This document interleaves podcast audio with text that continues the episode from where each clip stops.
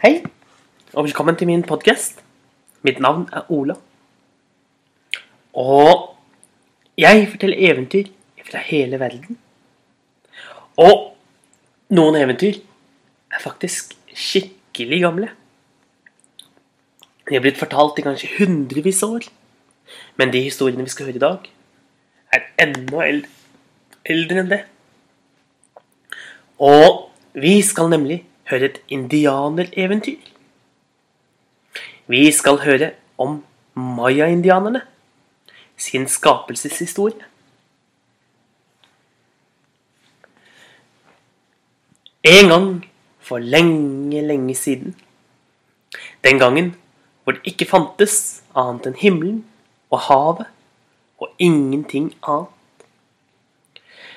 Den gangen da reiste to guder og fløy over havet. Det var Det var guden Tapao. Tapao var kjent som skaperen. Som hadde på seg fine, fine fjær i, i både blå og grønt. Og ved siden av Ved siden av fløy den fjerde fjærkledde slangen, eller fjærkledde ånden, Kukumats. Og Kukumats så virkelig ut som en stor slange med store, vakre vinger i grønt og blått. Men disse to var mektige. Der hvor de fløy, og der hvor de tenkte på ting. Der dukket det opp det de tenkte på. Kukumats og Tapau fløy over havet og tenkte på øyer. Og vips, opp av havet steg det øyer. De tenkte på fjell. Og vips, så begynte det å dukke opp store, mektige fjell. Tapu og Kukumats fløy videre de tenkte på ørkenen, og ørkenen begynte å dukke opp med sand overalt. De tenkte på skoger, og store skoger av trær vokste rett opp av bakken på et øyeblikk. De tenkte på de store furutrærne, på de gamle grantrærne, store eiketrær.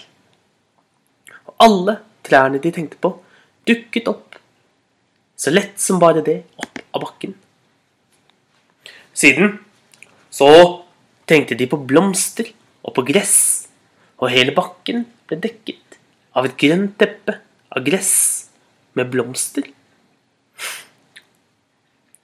Og Kukumats og Teppeu fortsatte å fly over hele jorden til de hadde skapt alt det som finnes der i dag. Men Tapeu og Kukumats ville ha, ville skape liv.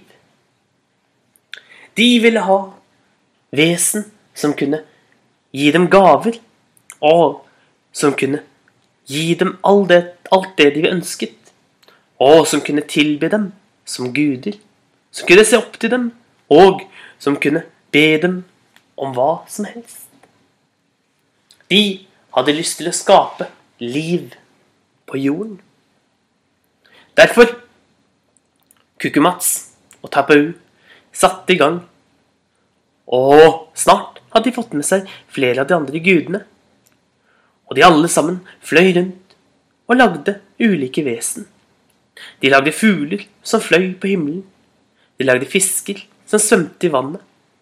De lagde store bjørner, ville, med stor styrke. De lagde løver med skarpe tenner. De lagde, lagde slanger som buktet seg under steinene. Bier som bist i luften. Snart var hele jorden dekket av ulike dyr. Men alle brølte hver sin egen lyd. Nå steg Tappeu og Gukumats fram og sa Nå, alle sammen, tilbe oss, lag gaver, lag flotte gaver til oss, og vis at dere er takknemlige for at vi har skapt dere. Men ingen av dyrene kunne snakke.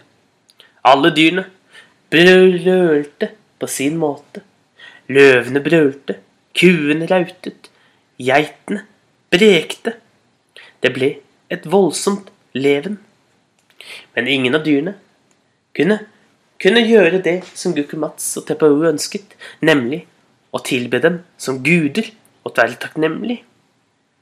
Det var det ingen av dyrene som var smarte nok til. Så Gukumats så på Tepau. La oss skape noen smarte vesen som på den måten kan skape store hus til oss, som kan gi oss fine gaver, og som kan se opp til oss for alltid. Det var Tappau enig i, og de satte seg ned med litt leire og begynte å forme de første mennesker.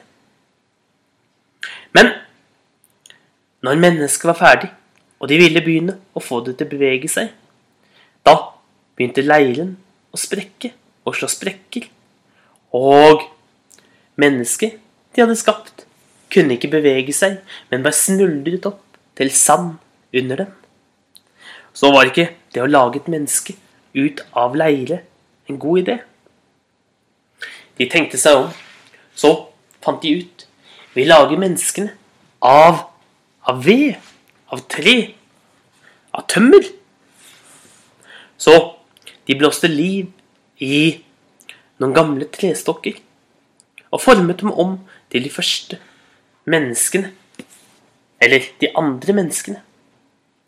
Men ja, disse, disse menneskene var mye mer solide. De kunne løpe rundt.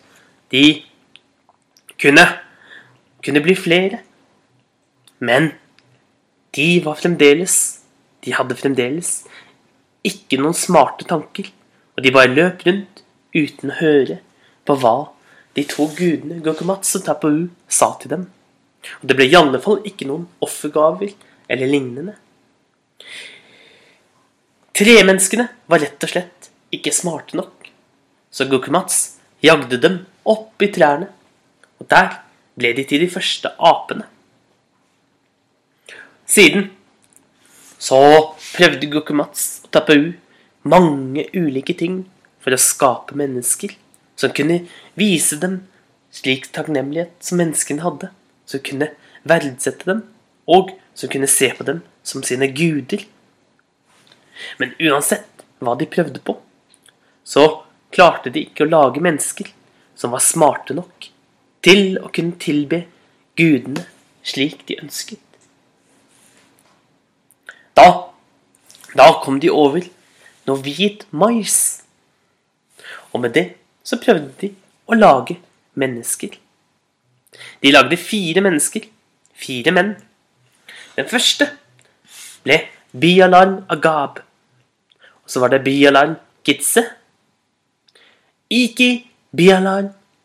Og til slutt den fjerde var Mahukata. Men disse fire menneskene, de var altfor smarte. Vi Tusen takk for at dere skapte liv til oss, sa de fire mennene. Vi kan se alt som rører seg i hele verden. Herifra kan vi se alt som skjer overalt i hele verden. Og hva mer er? Vi vet alt. Vi kan alt. Og vi skal lære alt som det er å lære. Og Gukumats og Tapu så på hverandre. De snakket og hvisket med hverandre. De kunne ikke ha noen mennesker som var så, så gode at de kunne se like godt som gudene. Hva hadde de gjort? De hadde skapt, ment å skape mennesker, men de hadde skapt fire nye guder. Nei, kreftene deres var altfor sterke. De kunne ikke få lov til å se slik som gudene kunne. De kunne ikke få lov til å kunne like mye som det gudene kunne. Eller være like flinke som gudene. Derfor fløy Tappeu og Gukumats ned og tok noe av kreftene til menneskene. Og fra den dagen kunne menneskene bare se det som var akkurat i nærheten av dem. De kunne ikke lenger se gjennom fjellene. De kunne ikke lenger se gjennom trær og alt annet.